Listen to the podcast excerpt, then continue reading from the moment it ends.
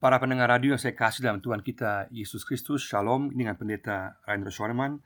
Pada saat ini kita akan merenungkan tema makna kenaikan Tuhan Yesus Makna kenaikan Tuhan Yesus Dari Markus 16 ayat 15 sampai 20 Markus 16 ayat 15 sampai 20 Lalu ia, Yesus berkata kepada mereka Pergilah ke seluruh dunia. Beritakanlah Injil kepada segala makhluk Siapa yang percaya dan dibaptis akan diselamatkan, tetapi siapa yang tidak percaya akan dihukum. Tanda-tanda ini akan menyertai orang-orang yang percaya. Mereka akan mengusir setan-setan demi namaku. Mereka akan berbicara dalam bahasa-bahasa yang baru bagi mereka.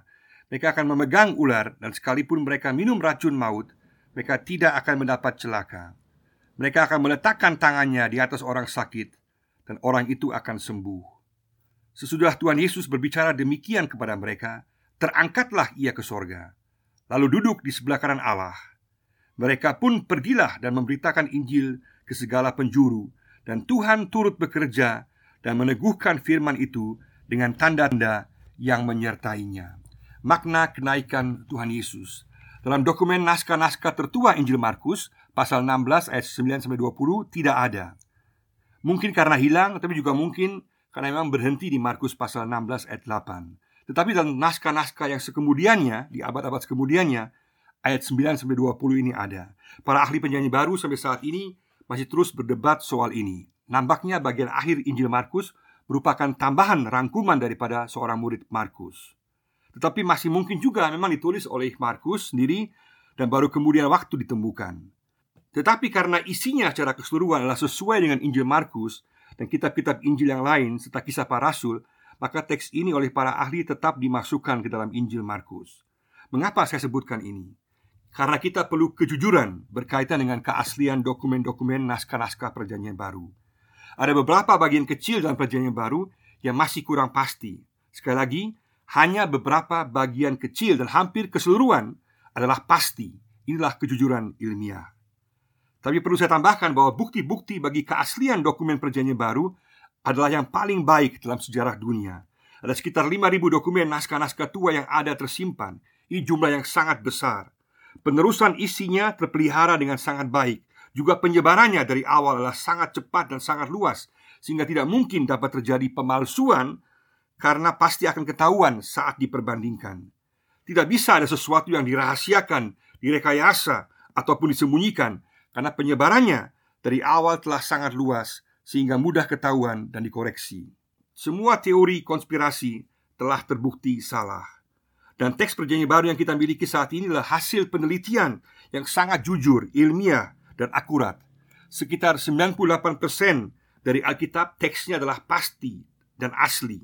Dan hanya sekitar 2% yang masih diperdebatkan karena ada bagian-bagian yang hilang saat diteruskan atau ada yang kurang jelas. Tetapi dua persen ini bukan berisikan hal-hal yang utama dari iman Kristiani. Jadi seandainya tidak dipakai pun tidak akan merubah hakikat isi iman Kristiani. Semua teks bersifat transparan dan dapat juga dilihat di berbagai museum Alkitab di Jerman, di Inggris, dan negara-negara lainnya. Juga dapat dilihat di internet. Mengapa saya tekankan semua ini?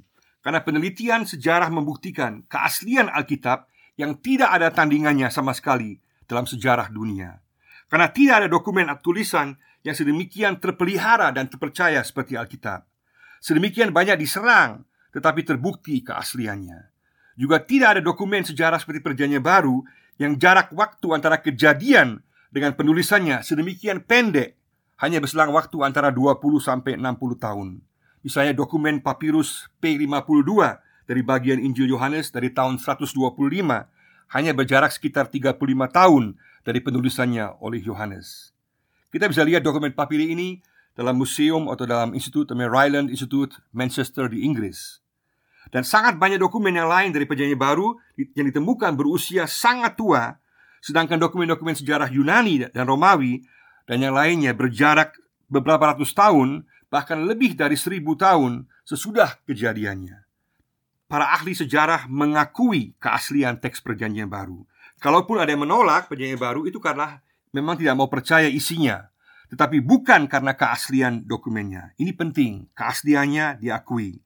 Jadi perjanjian baru yang kita miliki saat ini adalah super asli, tak tertandingi, kepastian isi dan akurasinya. Secara ilmiah sangat kuat buktinya. Mengapa saya buat pengantar yang mungkin agak lain ini? Karena saya ingin agar kita mengetahui dan meyakini keaslian dokumen Alkitab. Amin. Kebenaran firman Tuhan akan memerdekakan kita. Dan firman Tuhan yang kita miliki adalah asli dan benar. Puji Tuhan. Tema kita adalah makna kenaikan Tuhan Yesus. Ada tiga hal yang saya mau tekankan sesuai dengan teks di sini. Yang pertama adalah makna kenaikan Tuhan Yesus. Makna kenaikan Tuhan Yesus ayat 19. Ada empat makna yang dijelaskan di sini. Yang pertama adalah kenaikan Tuhan Yesus ke sorga adalah puncak karya Yesus di dunia. Kenaikan Yesus ke sorga adalah puncak karya Yesus di dunia. Segala sesuatu yang Yesus lakukan bagi keselamatan manusia dengan penebusannya di kayu salib adalah jalan kerendahan. Yesus lakukan semua itu dalam ketaatan yang sempurna agar rencana keselamatan Allah bagi manusia dapat terjadi. Di kayu salib, kasih Allah yang luar biasa menjadi nyata. Juga keadilan kesucian Allah yang murni menjadi nyata. Yang menyelesaikan masalah dosa manusia yang sedemikian parah. Kasih dan keadilan Allah, kesucian Allah bertemu di salib untuk kita manusia. Puji Tuhan dosa kita diambil oleh Yesus dan Yesus memberikan kepada kita kebenarannya. Sebuah pergantian yang luar biasa ajaib. Dosaku diambil sebagai gantinya kebenaran Yesus yang sempurna diberikan, dikenakan kepadaku. Puji Tuhan. Kebangkitan dan kenaikan Yesus ke sorga adalah peninggian Yesus. Dalam peristiwa kenaikan Tuhan Yesus, Allah mengkukuhkan dan meninggikan Yesus. Jalan kerendahan Yesus telah membawa penebusan dosa dan kini Yesus ditinggikan. Karya penebusannya berlaku untuk kita. Kita boleh bersyukur untuk penebusannya. Makna yang kedua adalah kenaikan Tuhan Yesus ke sorga membuktikan keilahiannya. Yesus adalah Tuhan. Kenaikan Tuhan Yesus ke sorga membuktikan keilahiannya. Yesus adalah Tuhan. Yohanes 3 ayat 13, 6 ayat 62 dan juga 20 ayat 17. Yesus telah berbicara mengenai kenaikannya ke sorga sebagai peninggian dalam status kuasa dan kemuliaan. Yesus sendiri menubuatkan kenaikannya dan menunjukkan keilahiannya. Lukas 24 dan juga kisah, kisah para rasul 1 menekankan kenaikan Tuhan Yesus sebagai sebuah peristiwa sejarah yang sungguh terjadi. Yesus menubuatkan kenaikannya dan sungguh terjadi. Perlu ditambahkan, Yesus kemudian menjanjikan bahwa Roh Kudus akan turun atas para murid yang kemudian juga terjadi 10 hari kemudian di hari Pentakosta yang membuktikan keilahian Yesus. Kisah para Rasul 2. Nubuatannya digenapi. Kita boleh bersyukur bahwa perkataannya, janjinya dapat diandalkan dan dipercayai. Di sini disebutkan Tuhan Yesus. Pengakuan Tuhan Yesus sebagai Tuhan sudah ada dari sejak awalnya. Yesus adalah Tuhan. Para murid, Petrus, Thomas, Yohanes, Maria Magdalena, semua mengakui Yesus sebagai Tuhan. Kyrios Yesus, Yesus adalah Tuhan. Itulah pengakuan dasar orang Kristen. Di masa itu para kaisar menyebut diri mereka sebagai Kyrios, Tuhan dan mereka memaksa orang untuk menyembah mereka. Bagi orang Kristen hanya Yesuslah Kyrios, sehingga mereka tidak mau menyembah kaisar, sehingga oleh karena itu mereka kemudian juga dianiaya. Tanda rahasia orang Kristen mula-mula yang dikejar-kejar, dianiaya, dipenjara dan dibunuh adalah tanda simbol ikan yang ditemukan di mana-mana dalam penelitian arkeologis. Ikan dalam bahasa Yunani adalah ichthys dan setiap huruf awal inisialnya merupakan singkatan sekaligus pengakuan iman. Yesus Kristus, Theos, Hios, Soter, Yesus Kristus, Tuhan, Anak Allah, Juru Selamat. Yesus adalah Tuhan. Makna yang ketiga adalah kenaikan Tuhan Yesus ke surga untuk memegang kekuasaan atas dunia. Kenaikan Tuhan Yesus ke surga untuk memegang kekuasaan atas dunia. Mazmur 110 ayat 1, Matius 28 18 dan Ibrani 12 ayat 2. Yesus naik ke surga dan ditinggikan untuk duduk di sebelah kanan Allah. Artinya memegang kekuasaan atas dunia. Hal yang sama yang ditekankan dalam 1 Petrus 3 ayat 22. Yesuslah penguasa dunia yang sebenarnya. Saat ini masih ada banyak penguasa di dunia tetapi sebenarnya Yesus yang memegang kendali kekuasaan meskipun belum terlihat nyata. Pada zaman akhir, saat Yesus datang kembali dalam kuasa dan kemuliaan, semua orang akan melihatnya dan berlutut menyembahnya. Filipi 2 ayat 10 sampai 11. Ada yang dengan sukacita dalam sikap penyembahan dan ada yang karena terpaksa akhirnya harus mengakui Yesus sebagai Tuhan. Dalam Efesus 4, 8 sampai 10 dikatakan Yesus naik ke sorga dan berkuasa atas alam semesta. Ibrani 4 ayat 14 mengatakan Yesus melintas semua langit. Dalam 1 Timotius 3 ayat 16 ditekankan Yesus diangkat ke dalam kemuliaan. Kita boleh bersyukur karena Yesus yang berkuasa dengan tujuannya yang baik. Makna yang keempat adalah Tuhan Yesus akan datang kembali dalam kuasa dan kemuliaan. Tuhan Yesus akan datang kembali dalam kuasa dan kemuliaan.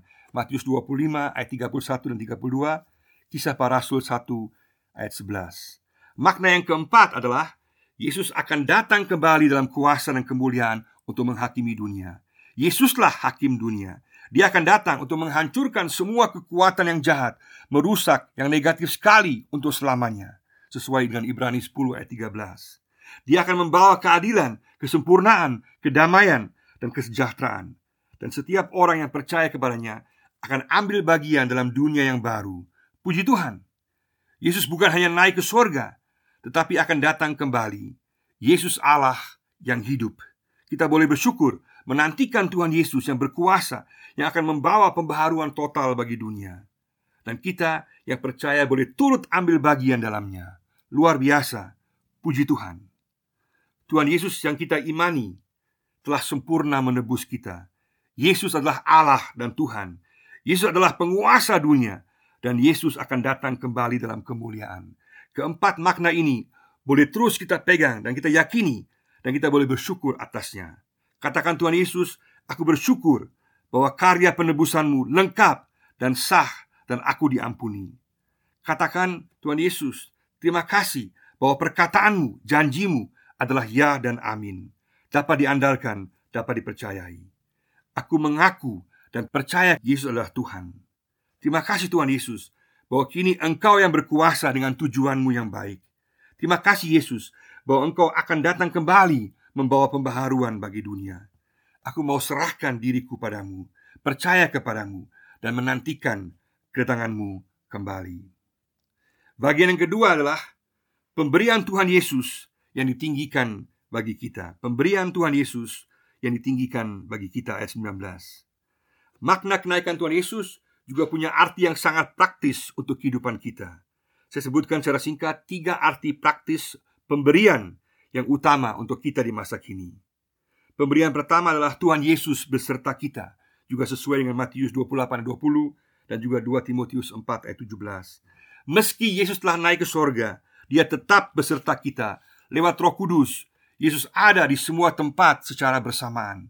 Yesus bukan Tuhan yang jauh, tapi Dia Allah yang hidup dan peduli serta menyertai kita. Puji Tuhan, kita boleh berlindung padanya. Yesus tetap beserta kita. Pemberian yang kedua adalah Tuhan Yesus pembela dan juru syafaat kita. 1 Yohanes 2 ayat 1, Roma 8 ayat 34, Ibrani 7 ayat 25. Tuhan Yesus juga menjadi pengantara, pembela kita di hadapan Allah. Semua tuduhan iblis kepada kita dipatahkan oleh Yesus. Artinya dalam bahasa Papua, Yesus yang pele kita, Yesus yang jaga atau tutupi kita. Kita terlindung pada Yesus, sang perantara, pembela dan juru syafaat kita. Sungguh satu hak istimewa dibela oleh Yesus. Oleh karena itu, kita boleh meyakini kuasa doa. Yesus mendengar doa. Kita boleh berseru kepadanya dan memohon pertolongan daripadanya. Pemberian yang ketiga adalah Tuhan Yesus menyiapkan tempat di sorga bagi yang percaya. Tuhan Yesus menyiapkan tempat di sorga bagi yang percaya. Yohanes 14 ayat 2. Yesus mengatakan dan menjanjikan bahwa dengan kenaikannya ke sorga, dia sedang mempersiapkan tempat bagi semua orang yang percaya. Sungguh sebuah kekuatan dan penghiburan besar bahwa kita akan bersama Yesus selamanya. Sungguh sebuah harapan yang luar biasa. Oleh sebab itu, orientasi kita telah pada nilai-nilai sorgawi sesuai dengan Kolose 3 ayat 1. Karena kita adalah warga negara sorga. Pada saat yang sama, kita memberikan yang terbaik dalam pekerjaan dan pelayanan di dunia. Mari sama-sama kita syukuri tiga pemberian besar dari Tuhan Yesus bagi kita.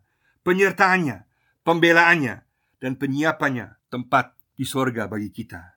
Katakan Yesus, aku sungguh berterima kasih dan bersyukur atas pemberian-pemberianmu yang luar biasa ini. Tidak ada Tuhan seperti Engkau, Yesus, yang melayani dan memberikan yang terbaik bagi kita. Penyertaanmu yang penuh kuasa, pembelaanmu di sorga yang penuh wibawa, dan penyiapan tempat bagiku di sorga yang penuh kasih. Aku menyembahmu, Yesus Tuhan. Terima kasih. Aku menyerahkan diriku padamu. Bagian yang ketiga adalah Amanat tugas misi bagi orang percaya Amanat tugas misi bagi orang percaya Ayat 20 dan juga ayat 15 sampai 18 Masa penantian sampai Yesus datang kembali Harus diisi dengan pelayanan misi Baik secara lokal maupun di dunia Kalau kita sungguh-sungguh memahami siapa Yesus Tuhan Yang kita percayai Dan kita sungguh mensyukuri pemberiannya Yaitu penyertaannya, pembelaannya Dan juga penyiapan tempat di sorga bagi kita Maka kita akan siap untuk terlibat dan dipanggil untuk tugas misi baik secara lokal maupun di dunia. Bagian ini merupakan rangkuman pengajaran Yesus dan penugasan Tuhan Yesus kepada semua murid. Ada empat bagian di sini.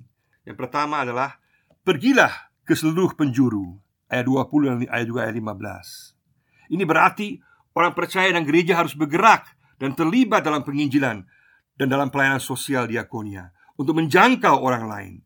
Penugasan sudah jelas, jangan tunggu lagi Karena merupakan tugas orang percaya dan gereja Pergilah, berarti semua orang percaya harus memberitakan Injil Dalam lingkungan dan dengan berbagai cara. Juga menjangkau tanah Papua, Indonesia dan dunia. Tugas besar belum selesai. Di tanah Papua misalnya Ada 16 daerah besar yang belum diinjili. Dan ada banyak daerah-daerah lain yang belum dimuridkan Dan dilayani dengan pendidikan, kesehatan, dan sosial diakonia Maukah kita menjadi saksi Tuhan Yesus dalam lingkungan kita? Mendukung dan berdoa untuk misi di tanah Papua dan Indonesia dan juga dunia? Bersediakah kita untuk pergi pada saat Yesus memanggil kita untuk melayani? Amanat yang kedua adalah beritakanlah Injil kepada segala makhluk ayat 20 dan 15 sampai 16. Isi Injil atau kabar baik adalah Tuhan Yesus sendiri dan perjanjian baru menyaksikan hidup karya dan pengajaran Tuhan Yesus. Yesus tidak meninggalkan sebuah kitab atau dokumen. Mengapa? Karena Yesus adalah firman itu sendiri. Dia ada saat penciptaan sebagai firman yang menjadikan dunia ini. Perkataannya, firmannya penuh kuasa menyembuhkan orang sakit, mengusir iblis, mengalahkan kuasa alam, badai, dan ombak.